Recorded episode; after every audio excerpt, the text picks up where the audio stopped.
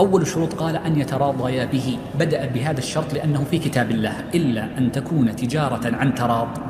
فدل ذلك على أن الرضا واجب. وقبل أن نتكلم عن الرضا سأذكر قاعدة من أنفس القواعد لفهم الرضا. وهذه القاعدة نص عليها الشافعي والأئمة بعده وهو أنه لا يمكن أن يتحقق رضا إلا بعلم. فكل من زعم رضا وهو جاهل بالعين فليس راضيا. إذا عرفت ذلك فصدق من قال من أهل العلم أن كل شروط البيع تعود للرضا. ولذا هو الذي نص الله عز وجل في كتابه. فالغرر كله يقول لعدم العلم وعدم العلم يدل على اختلال شرط الرضا ففقد الرضا. إذا فالحديث عن الرضا هو أهم شروط البيع ولا شك.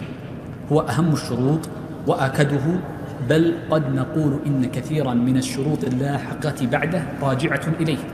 فإن من فقد الأهلية الكاملة أو الناقصة فنقول إن رضاه ناقص فحينئذ لا يصح وهكذا في, في سائر الشروط.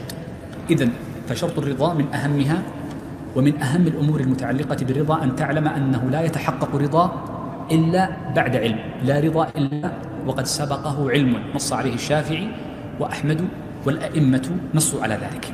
فمن زعم رضا بشيء لا يعلمه فهو ليس براض فمن باع لآخر مجهولا وزعم أنه راض بالغرر فيه نقول لا نقبل رضاك لأنك لست عالما به.